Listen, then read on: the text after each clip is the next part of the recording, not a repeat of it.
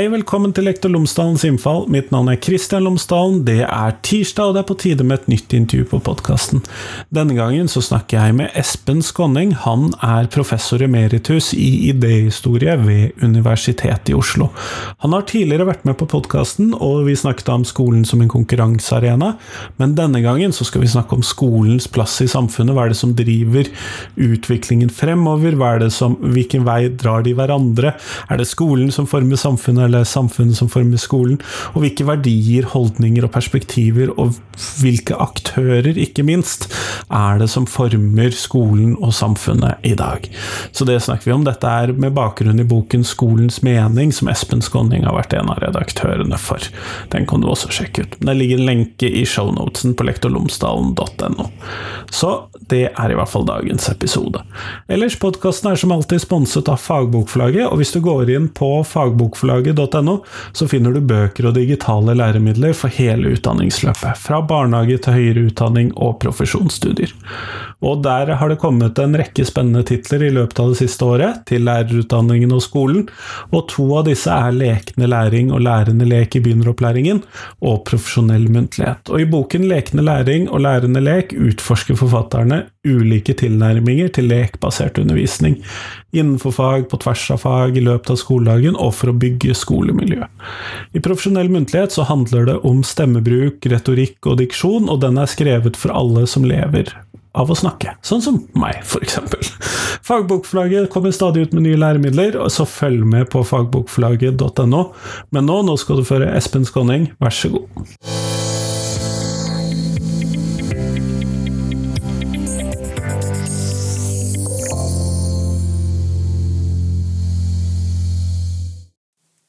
Espen Skåning, tusen takk for at du har tatt deg tid til meg i dag. Bare hyggelig.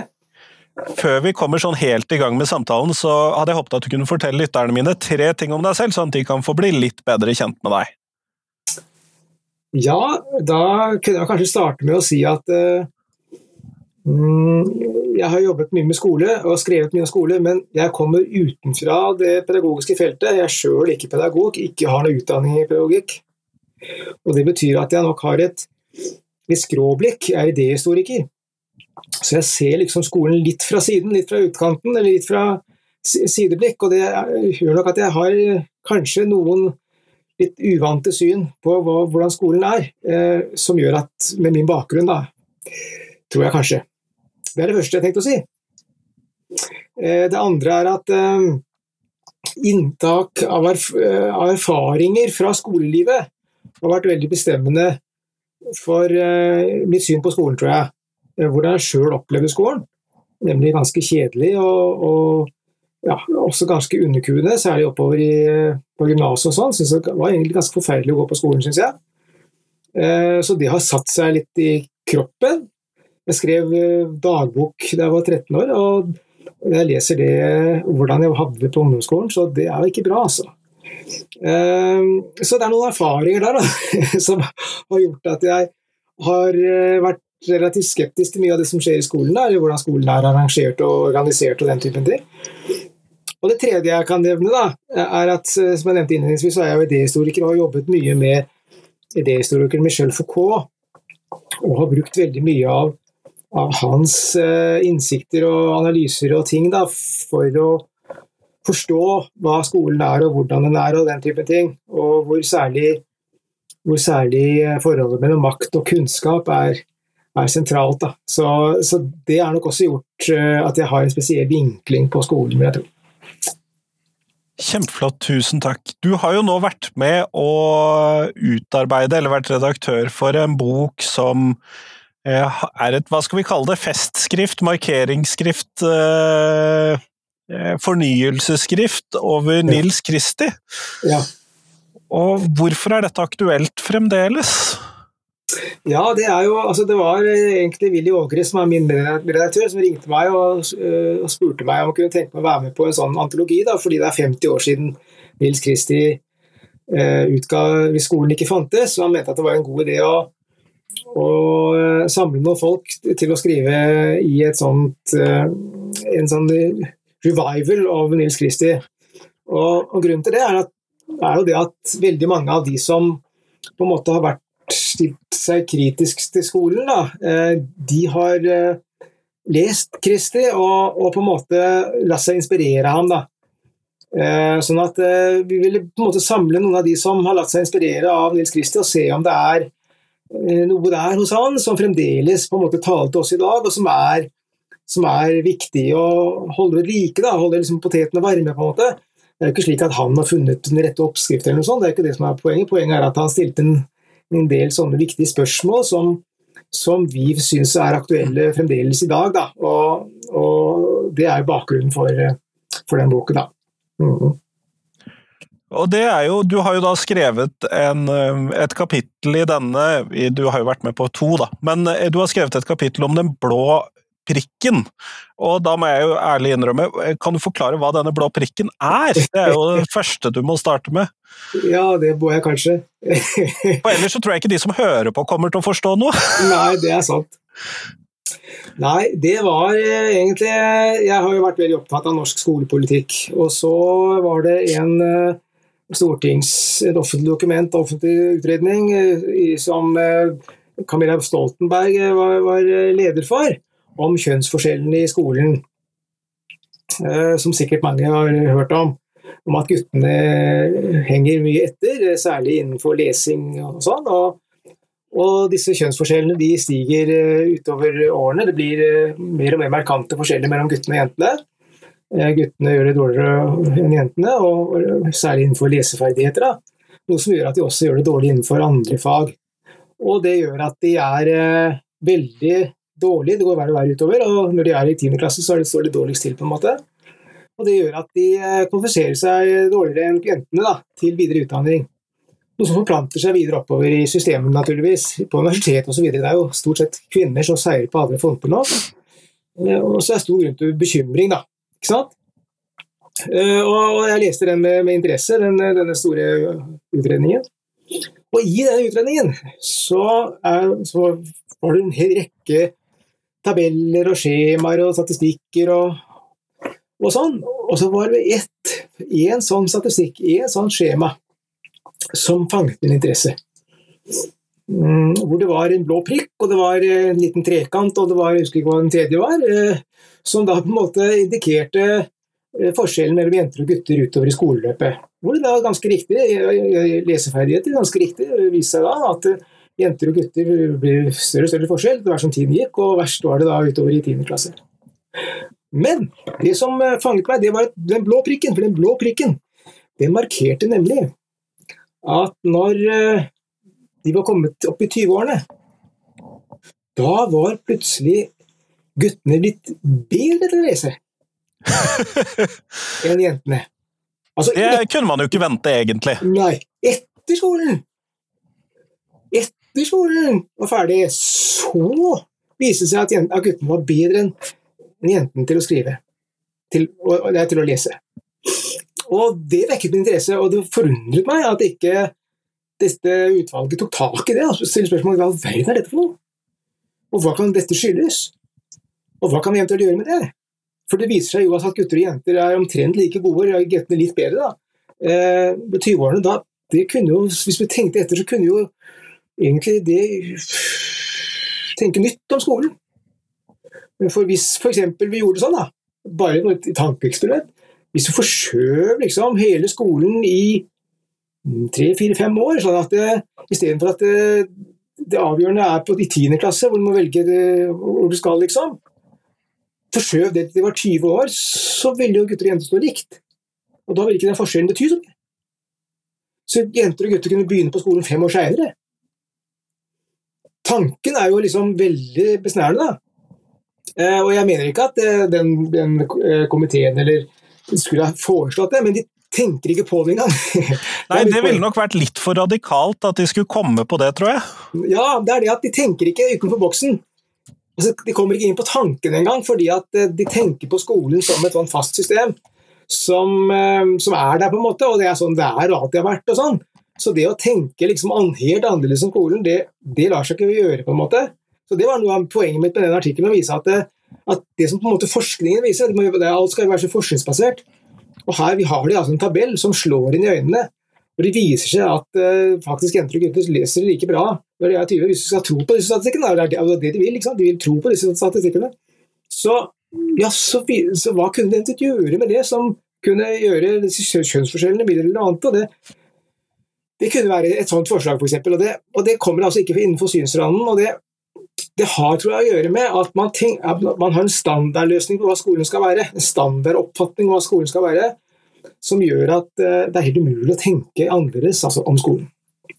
Kan noe av problemstillingen være at de som jobber med skole, bestemmer på skole, utdanner til skole osv., i hvert fall langt på vei de fleste, fikset skolen? Ja, det er sikkert en, en rimelig forklaring, og de har iallfall skolen under huden, og, og dermed har liksom følt seg vellykket på skolen og sånn. da. Det som jeg eh, anfører som et viktig moment her, da, det er forskningen. Eh, for det er sånn at eh, man kan knapt innføre eneste, en eneste tiltak i skolen uten at det er forskningsbasert, at det er kunnskapsbasert, som det heter. Og, og det forskningen typisk gjør, det er å ta utgangspunkt i det som eksisterer, og, og se hvordan det kan gjøres mer effektivt. Altså, tidlig innsats er et godt eksempel. Altså, hvordan, om, om, ofte sånne pedagoger sånt, når forskere gjør innenfor dette området, er å se i hvilken grad tidlig innsats virker eller ikke virker. og den type ting. Eh, men, men sette spørsmålstegn ved hva som er logikken bak tidlig innsats osv., det, det settes ikke spørsmålstegn ved. Det, det man forsøker å undersøke, er egentlig bare om de tiltakene man setter i gang virker eller ikke virker, uten å tenke på hele systemet bak. Hva, hva er det egentlig, Hvor trenger vi? Hva er bakgrunnen for å ha noe slik som tidlig innsats? Og Det er jo fordi at skolen er en konkurransearena, og, og hvis du henger etter tidlig, så du, blir du hengende etter utover i skoleløpet, og da kan det gå deg dårlig seinere. Og hele spørsmålet med det, det er på en måte noe som ikke blir eh, forskningsmandat. De tar heller bare skolen for gitt, og så, og så på en måte undersøker de på en måte bare det som politikerne er interessert i å vite noe om. Uten å stille spørsmålstegn om hva, som, hva politikerne faktisk Deres tenkemåte, for å si det sånn. Men hvis vi da ser bort fra forslaget ditt om eh, å bare flytte hele skolestarten fem år Vi noterer det som et forslag, men hvis du ser bort fra det, har du gjort deg noen tanker i forbindelse med dette arbeidet om liksom, hvordan få til en skole som bedre da kunne fungere for alle elevene, med basis i det du har jobbet med opp gjennom tiden, og Nils Kristis tanker og det du har skrevet om her, osv.? Ja, jeg, jeg, tror at man må, man må, på en måte foreta noen, foreta noen verdivalg, tenker jeg. Um, det som ligger til grunn for Kristi, eh, selv om han ikke sier det så veldig eksplisitt, det er at det viktigste for han, det er at alle barn skal ha et godt liv. Eh, alle skal ha det bra, på en måte. Det, det er liksom det som ligger i bånn, da. Eh, og det er ikke nødvendigvis slik at eh, det lar seg forene med at alle skal prestere best mulig, eh, og at alle skal oppnå bestemte mål som er angitt i en læreplan. Og når disse to eh, kommer i konflikt, hvilket de gjør, helt åpenbart mange ganger. Ikke for alle, kanskje ikke for de fleste engang, men for mange. Hva, hvilken skal seire? Hvilken, eh, hvilken, hvilken, verdi skal vi sette øverst? Og for, for eh, Kristi så var det ingen tvil, og det gjelder ikke for meg, at verdien om at alle barn skal ha et godt liv, kommer først. Og Det betyr at hvis det er slik at vi er, lager en skole som er slik at noen, eller ganske mange, ikke får et godt liv, ja, så må vi endre skolen. Rett og slett. Og da tenker jeg at det viktigste man kan gjøre, sånn, sånn rett sånn praktisk, det er, er å, å, senke eh, ambisjonene om eh, læremålene som, som, man må streve så fryktelig for å få til. Det blir så voldsomt stress, særlig oppover i ungdomsskolen. Voldsomt stress for, å, klare læringsmålene, for å få best mulig karakter osv.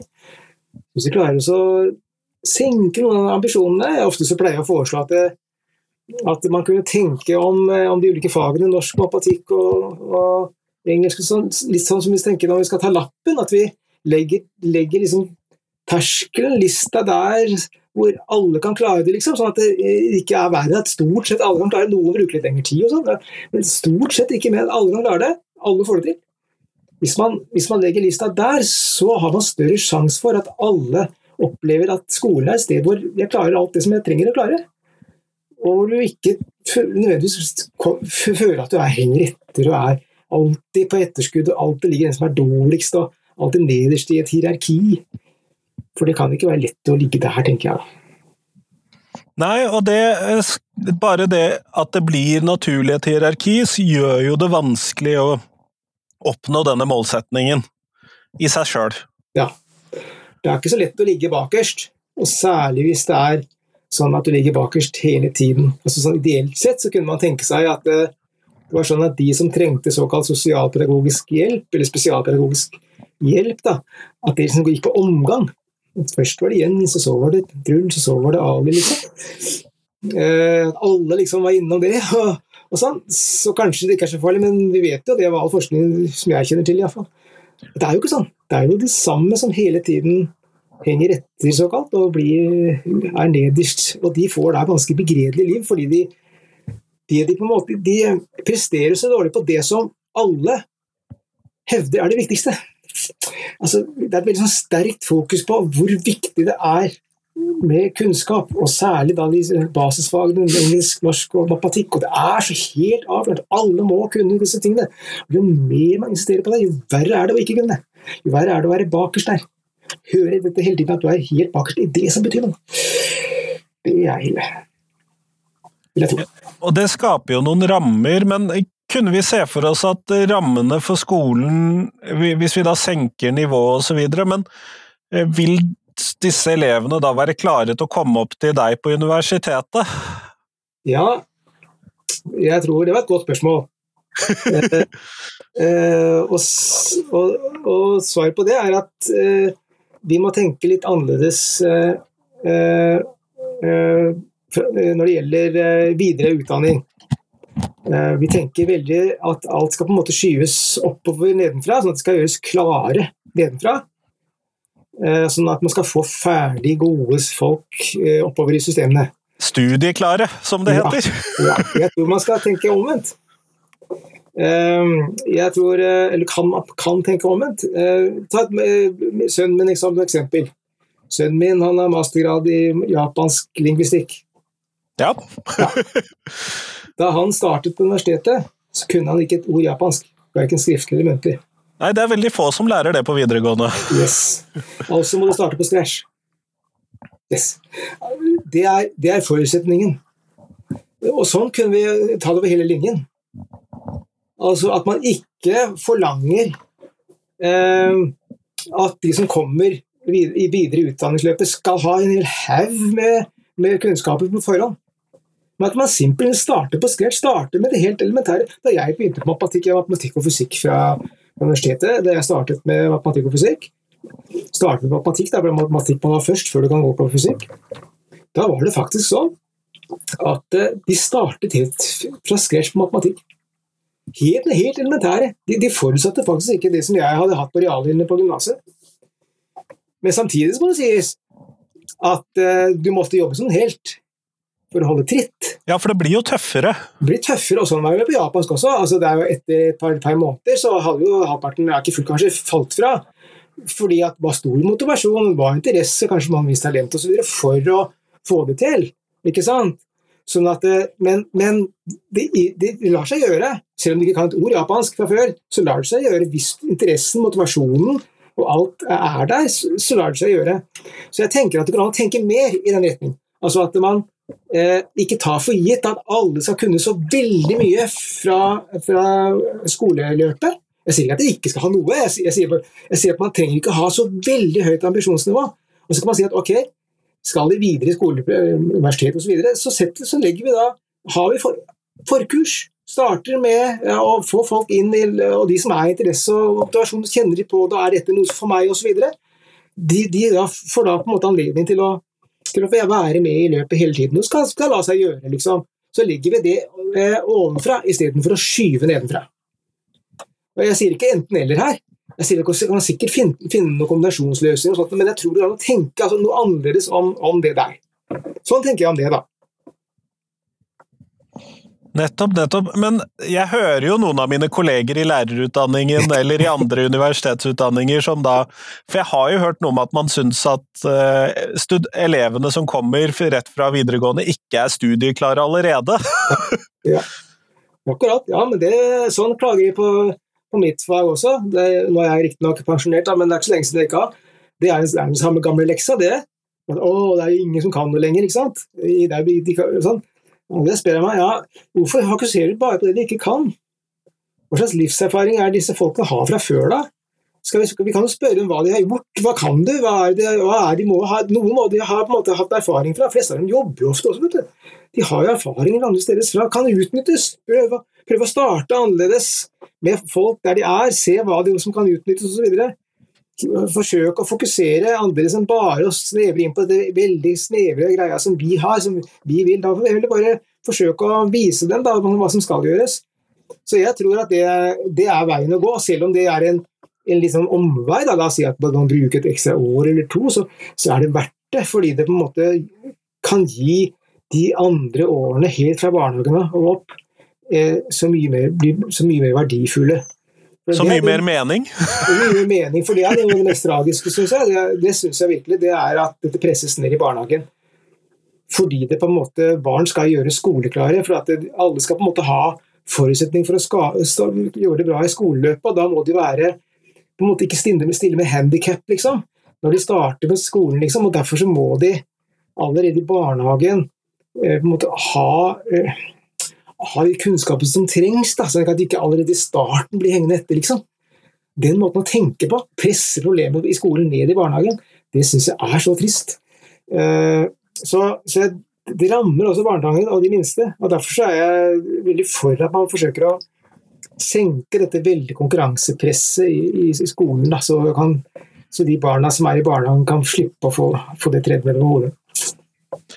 Og det, Når du da nevner barnehagen, så er det jo interessant å spørre deg, i, dette, i forbindelse med alt det arbeidet du har gjort, har du gjort deg noen tanker om dette med fleksibel uh, skolestart, eller at man i større grad vurderer barna om de er klare til å begynne på skolen eller lignende, eller er det utenfor det du har tenkt noe på?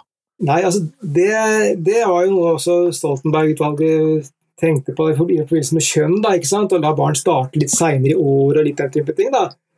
Eh, men problemet med den måten å tenke på, det er at man, man har liksom en sånn kvalifiseringstanke i hodet, at man skal være kvalifisert for å starte på skolen. Og De som da på en måte ikke er kvalifisert nok, de må vente. Og da har du allerede skapt et, skapt et, skille mellom de som er kvalifisert og de som ikke er kvalifisert. skjønner du? Ja. Og at Du har allerede i utgangspunktet begynt å blinke ut noen som er en slags sinker i systemet. skjønner du? Så det der, der det, det tror jeg har jeg ikke noe, eh, noe sans for. Tvert om burde man ha på skolen ha den nøyaktig den samme holdningen til alle barna som kommer i barnehagen. Her tar vi imot alle her. Alle er bra nok som begynner her. Og så får vi starte med de forutsetningene du har. Rett og slett. Det er, det er forutsetningene våre. Vi forventer ikke at du skal være, den skal være, alle skal være like flinke så å si, til å lese før vi begynner på skolen. Så, så her, er det, her er det åpent. Vi tar det vi får. Alle sammen skal være velkomne, for alle er like mye verdt her. Vi har ikke noen kriterier på om at noen er bedre enn andre her. Her skal alle være like mye verdt. Sånn tenker jeg at man skal ha som utgangspunkt. For her møter man jo eh, disse diskusjonene her knyttet til hvordan vi skal legge opp skolen og skape en best mulig skole for alle, så mm. er det jo veldig ofte veldig mange ulike ideer som slenges fram, og da er det jo veldig interessant å prøve dette på deg som idéhistoriker, og eh, slenge disse litt i din retning, særlig med tanke på dette arbeidet som dere har gjort med denne antologien. Mm. Um, og dette med fleksibel skolestart, kanskje særlig for gutter, er jo noe som blir løftet opp, men jeg forstår de innvendingene du trekker fram der. der. Ja, ja, fordi at altså, hvor, hvor, det fleksible er basert på en måling av hva du kan. Altså, da har vi jo allerede i utgangspunktet laget det som jeg er, er veldig skeptisk til. Eh, at det er bare noen som får lov til å begynne på skolen, eller som skal begynne på skolen. Og da ut ifra en slags test av hvem som strekker til, ut fra det som er viktig på skolen. Da har man jo allerede i utgangspunktet skapt et hierarki mellom barn, og det er jo ikke det, er det man må unngå, tenker jeg da. Men så er jo spørsmålet, klarer vi, selv om vi senker disse kravene, tror du vi klarer oss å unngå å lage hierarkier av disse barna? Eh, hierarkier mellom barn finnes på alle, alle nivåer hele tiden. Eh, det er helt, så, sånn er det jo. Barn konkurrerer jo på fotballbanen eller whatever. ikke sant? Så, så, og, og de, de, konkurrerer på alle ulike slags sider. Så, så eh, konkurranse er en del av livet, og det er også noe som er ganske artig på mange områder også. Jeg spiller mye spill med barnebarna, og de hater å tape, selvfølgelig. de gjør jo det. De gjør jo det. Men det er ingen grunn til at skolen skal introdusere skiller og hierarki mellom barn som gjør at de uh, opplever seg selv som mindre verdt. Uh, at skolen skal bidra til dette, syns jeg er helt uhørt. Og særlig uh, Særlig alvorlig er det når eh, det signaliseres, liksom, ikke fra, fra, skolen, men også fra alle som betyr noe, politikere, foreldre, alle, at skolen er det viktigste av alt, liksom. Og de fagene som man har på skolen, det er det som teller i livet. og Går det dårlig der, så, så vil det ikke gå det bra, det bra, i livet. Hvis man med, med sånne store liksom, eh, forventninger på barns skuldre, så det, må det være veldig ille å komme nederst i det hierarkiet som skolen selv skaper hadde det vært sånn som det var litt mer for, på, da jeg var uh, ung, da, for 50-60 år siden, da var det jo litt sånn at hvis du droppa til skolen, spilte ikke noen rolle. Hvis det, liksom, altså, skolegang var noe, var noe de, og det var ikke så viktig. Du kunne komme opp og fram uansett, og, og, og, det var mye enklere før også å komme seg opp fra gulvet osv. Det er helt annerledes i dag. I dag kreves det alltid forbilledlig utdannelse. ikke sant? Veldig, veldig ofte, da. Men, men det, har, det har en bakside, det der. for jo, jo, mer viktig skolen blir for, for videre karriere, jo verre blir det å ikke mestre skolen. Så Derfor så er det veldig viktig at vi må tenke gjennom hva vi gjør med de barna som, eh, som kommer på skolen. Jeg vil gå litt tilbake til dette punktet ditt om at guttene de kunne faktisk lese bedre når de kom litt opp i 20-årene. Mm. Har vi for dårlig tid når vi gjør disse vurderingene, når vi setter opp dette skolesystemet? Ja, det er, det er vanskelig å svare noe annet enn ja på det. Ikke sant? Eh, eh, jeg har for dårlig Altså, jeg vi setter, vi, vi, Noe av det som Bjørneboe sa, og alltid det at det, som er typisk for skolen, det er at man, eh, man setter himmel og ord i bevegelse på å få barn til å lære noe som de ikke kan nå, men som de lett, med letthet kunne lært litt seinere. Den som da ikke klarer å lese akkurat når de er eh, seks år, eh, kanskje vedkommende klarer å lære, lære, det helt utmerket når de er syv. Men så skal de absolutt lære når de er seks. Eh, og, og, så man bruker utrolig mye krefter og energi på å få barn til å lære ting som de egentlig belettet og uten noen vansker klarer seg seinere, eh, ut fra modning. Men problemet er naturligvis at så lenge man har en sånn konkurranseskole, så er det fatalt å henge etter. Du, kom, du blir hengende etter, og i alle andre fag også, osv. Så, videre. så så lenge man har et konkurranseløp, så er, så er, det selvfølgelig eh, veldig, veldig om å gjøre at alle liksom kommer liksom likt videre i trinnene for at ingen skal eh, henge etter. Da. Så det, Dette systemet som må endres for at vi skal kunne slappe av og senke skuldrene og la folk få lov til å modes, sånn at det går an å bruke lengre tid, tenker jeg. Nettopp, nettopp. Vi går mot slutten, Espen, i den tiden vår. Og da har jeg et spørsmål som jeg stiller alle jeg intervjuer, og det er, eh, er Hvilken lærer har gjort størst inntrykk på deg, og hvorfor det? Ja, eh, jeg må bare innrømme at jeg har ingen egen lærere, egne lærere som har gjort noe så veldig stort inntrykk. Det er litt trist. Men jeg har en lærer fra en av, eh, en av mine barn eh, i skolen. Det var da vedkommende gikk på, på ungdomsskolen, som var mattelærer. Det var en mattelærer som, så vidt jeg vet, alle barna elsket. Han het Harry. Han var veldig uortodoks. Og han var så engasjert. Eh, og jeg husker at eh, dette barnet, sønnen min som jeg snakker om nå, han hadde noe, noe, trøbbel med matematikken og fikk det ikke til. Og sånn, og så hadde han hatt en sånn prøve, de har jo prøver hele tiden, ikke sant. Og så, og så eh, hadde han levert en prøve, og så eh, eh samme dagen, eller seinere på dagen, eller dagen etter, jeg er ikke sikker, så hadde han, ikke han læreren, kom han inn i norsktimen. Og listet seg bort til sønnen min, og så sa han Vet du hva? I dag, i går, da, fikk du til mattestykkene. Du fikk det helt til! Det var så bra! og så gikk han ut igjen. Ingen andre hørte det, men det var en greie mellom de to. Altså, han, han, vokste jo, for han, visste, han skjønte liksom det voldsomme engasjementet som denne, denne, læreren eh, hadde for han. Og Jeg husker også på et foreldremøte vi hadde, så, så, var, det, så var også denne læreren til stede, denne mattelæreren. Og så var det en, en av foreldrene som rakk opp hånden og sa at du syns disse mattestykkene som de har på ungdomsskolen er så vanskelig, jeg klarer ikke å, å, løse dem selv. Og så nevnte vedkommende hva det var som han ikke skjønte. da. Og da gikk han læreren opp på, opp på tavla. 'Å, sier du det? Det skal jeg vise dere!' Nå skal jeg vise dere hvordan det er. Og så viste han en av disse mattestykkene på tavla med fullt engasjement og glød. Og folk lo og syntes det var gøy, for han hadde en utrolig sånn fremstillingsform. og Alle skjønte hva han snakket om. Så han var på en måte sånn ja, Han hadde sånn utrolig trygghet, stolte på seg selv. Og var på en måte sånn så utrolig engasjert, som han bare måtte like vedkommende. Så det er, det er det som jeg, noe av det fremste jeg har sett på, på lærerfronten. Kjempeflott, Espen. Tusen takk for at du tok deg tid til meg i dag. Bare hyggelig.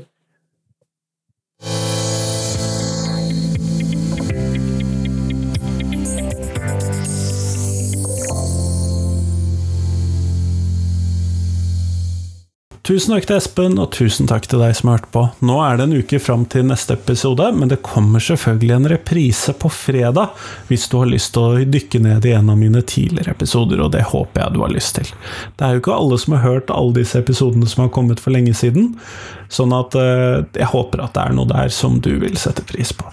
I repriseformatet så har jeg nå kommet til et eller annet sted rundt episode 100, og hvis du ikke hørte på podkasten så tidlig i podkastens historie, så er jeg sikker på at det er noe gøy der. Og så er det ikke sikkert at du har hørt på alle episodene hvis du har hørt hele veien, sånn at eh, jeg håper du koser deg med den episoden.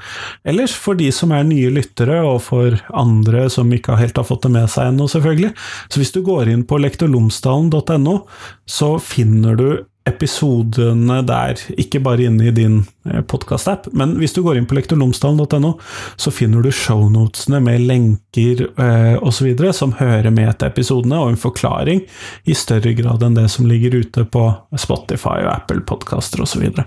sånn at hvis du lurer på noe mer om eh, episodene, så gå inn på lektorlomsdalen.no. Nå har jeg gjentatt den adressen så mange ganger at jeg håper at du husker den. lektorlomsdalen.no, i ett ord, selvfølgelig. Men nå, nå får du ha en fin uke. Hei, hei.